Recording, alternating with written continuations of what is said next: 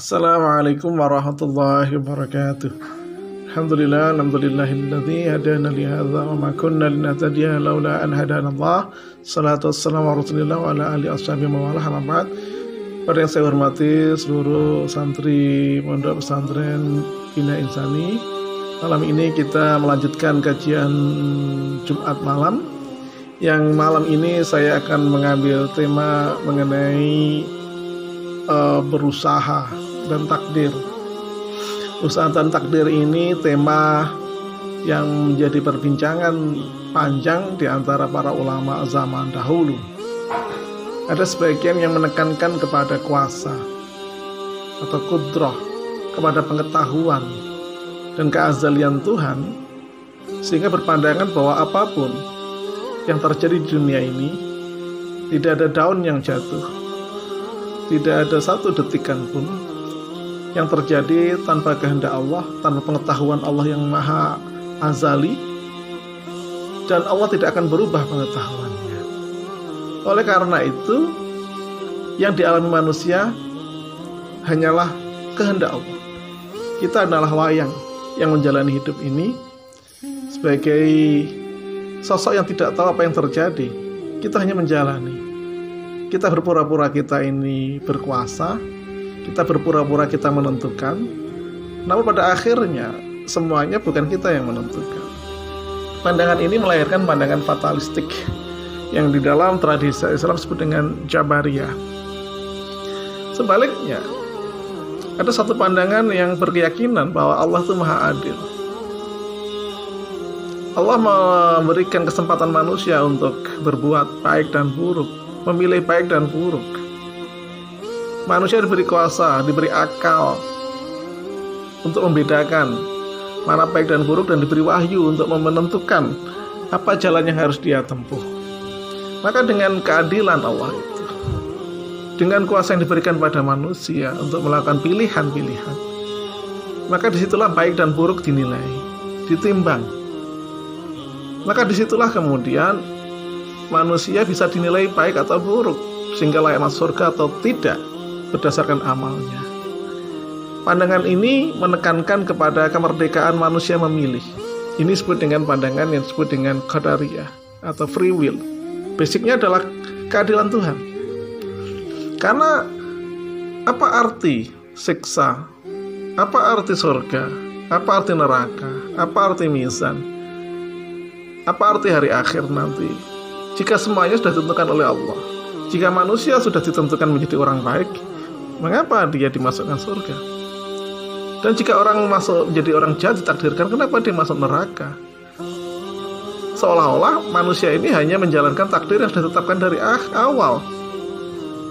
Kalau demikian, berarti Tuhan tidak adil dan zalim. Ini perspektif yang disebut dengan qadariyah. Maka keadilan Tuhan meletakkan satu kebebasan manusia untuk memilih.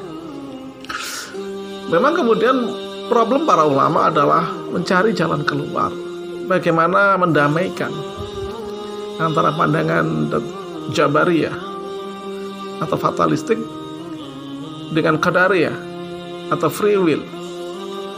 Jika kita terlalu berat ke kiri, ke Jabariyah, maka seolah-olah manusia ini tidak patut disiksa atau diberikan surga karena itu ketentuan Tuhan juga sia-sia amal baiknya. Jika Tuhan menghendaki, maka dia tidak akan jadi orang baik.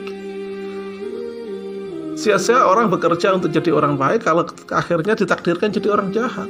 Karena kadang-kadang orang menjadi jahat juga takdir, bukan kehendak dia. Mohon maaf saya ambil contoh. Orang sebagian yang masuk ke dunia hitam atau katakanlah dulu namanya wanita tunasusila terjadi karena mungkin kebutuhan ekonomi yang tidak dia inginkan. Ada juga yang korek yang ahli mengaji yang kemudian masuk ke dunia itu tanpa kehendak dia di awal-awal. Maka seolah itu hanyalah takdir. Namun satu sisi kita juga melihat bahwa orang-orang yang rajin belajar, yang rajin bekerja, nyatanya jadi orang sukses. Banyak yang sukses karena dia rajin, karena dia mampu bekerja, membuat perencanaan untuk hidupnya dan mempertinggi kemampuannya sehingga kemampuannya itu pada akhirnya mendapatkan satu momentum yang tepat. Maka dari dua kenyataan itu mau tidak mau kita mencari jalan tengah. Ada jalan tengah yang diperkenalkan namanya teori kasar. kasab itu oleh Syariah dikenalkan sebagai teori di mana fisiknya adalah Tuhan yang menentukan, tetapi manusia disuruh berusaha, meskipun usaha itu bukan satu penentu dari takdir manusia. Maka meskipun teori kasab ini ditetapkan, suruh berusaha, Allah yang menentukan, tapi prinsipnya ini sebenarnya tengah agak ke, ke Jabariyah sedikit. Ada tengahnya agak ke kanan, itu Maturidiyah, ini agak ke kanan. Dari pengertian agak free will, karena dia meyakini bahwa manusia bisa mengetahui baik dan buruk, memilih meskipun pada akhirnya dia juga menyadari bahwa bisa milih itu ada batas-batas tertentu juga. Nah, terlepas dari itu semuanya, ayo hadirin rahimahullah, kita coba melihat takdir ini dalam perspektif kita, bagaimana kita harus menyikapi hidup. Pada dasarnya perbincangan takdir ini perbincangan filosofis atau akidah yang sangat filosofis ketika dibahas dalam penjelasan-penjelasan rasional. Karena dalil sendiri mengisyaratkan dua-duanya itu ada petunjuknya.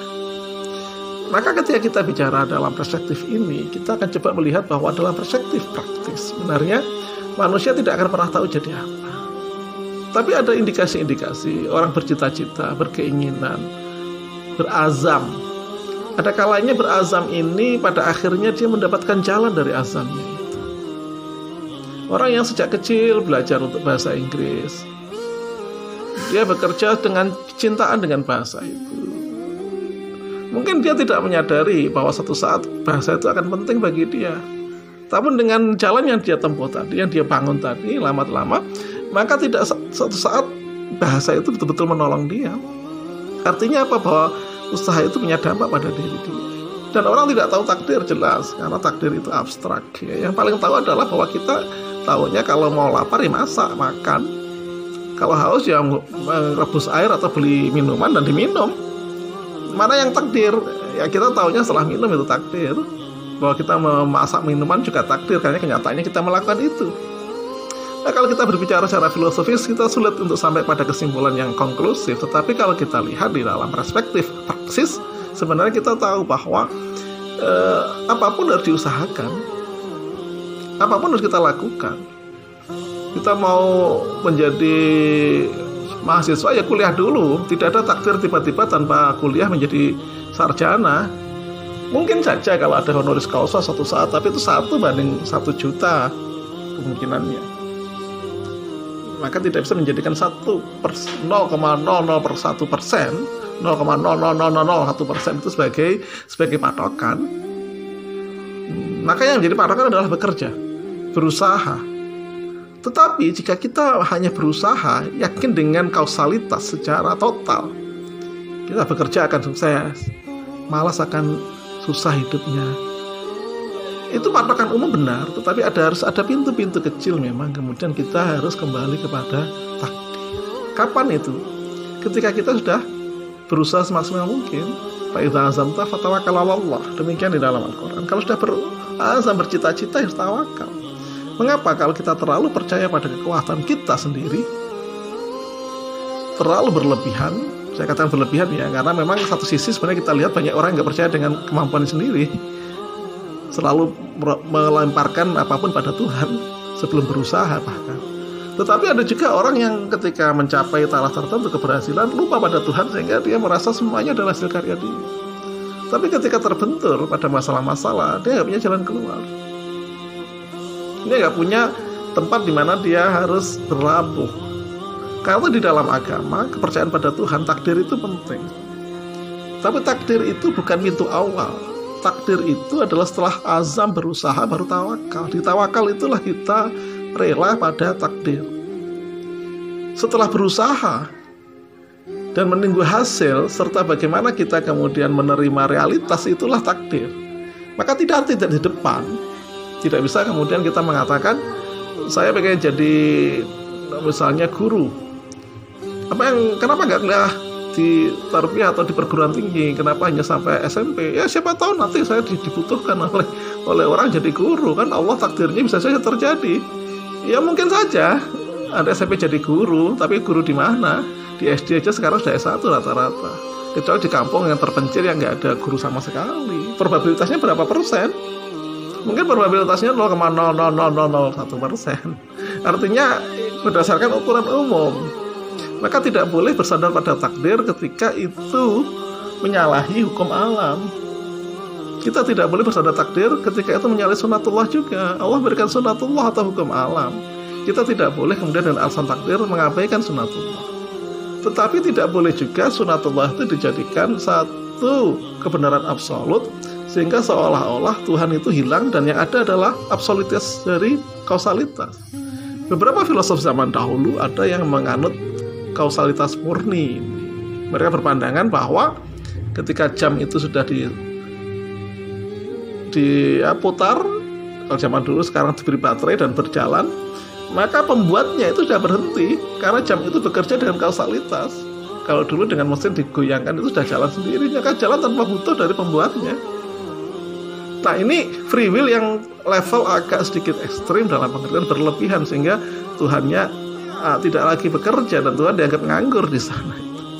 Tetapi ada juga orang yang belum belum menapaki perintah Tuhan untuk berusaha. Ada orang-orang yang belum menempuh sunatullah Allah memberikan kausalitas hukum alam Tapi dia tidak mau menempuh Dan tiba-tiba mencoba untuk menjemput uh, satu, satu akibat yang dia inginkan menyenangkan tanpa usaha ini juga menyalahi kehendak Tuhan. Karena itulah para santri yang dirahmati Allah, maka kita harus berpikir pada satu kausalitas harus kita jalani sebisa mungkin, semaksimal mungkin. Karena kausalitas itu adalah sebab akibat itu memberikan ruang bagi kita untuk berpikir secara rasional. Memberikan kita untuk berhitung, menggunakan akal kita yang dianugerahkan oleh Allah. Afala takilun, afala tatafakkarun. Ini kan? dan bahwa perubahan langit dan bumi terdapat tanda-tanda bagi orang-orang yang berakal. Itu jelas. Tapi satu sisi pada akhir tertentu, tahap tertentu kita harus tawakal. Tawakal tidak di depan ya, tawakal itu di belakang. Setelah kita berusaha maksimal baru tawakal. Bukan belum apa-apa sudah tawakal, itu tandanya orang nggak mau berusaha, beda. Maka saya harapkan Anda semuanya cobalah tempuhlah semua kausalitas, pintu-pintu, jalan-jalan dari sistem sebab akibat yang diberikan oleh Allah mau lulus dapat A ya belajar yang bagus mau bisa bahasa Inggris ya belajar mau ahli dalam melukis ya belajar melukis mau jadi oh, penyiar ya belajar jadi penyiar. Itu kausalitas itu jalannya.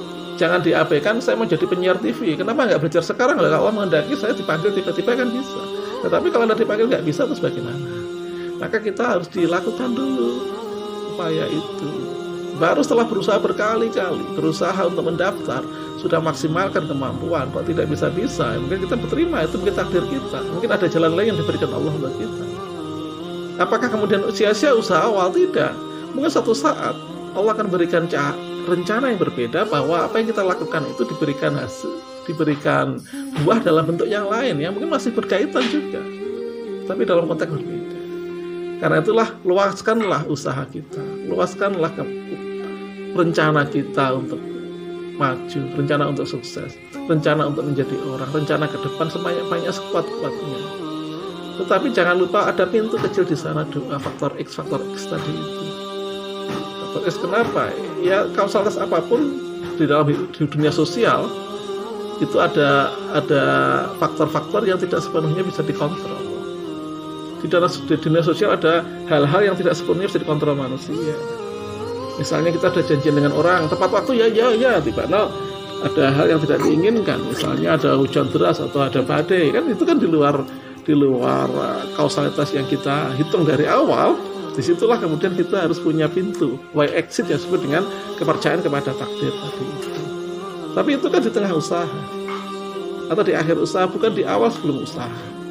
Karena itu saya kira demikian sebagai pengantar dari saya mengenai apa yang seharusnya kita lakukan di masa pandemi ini.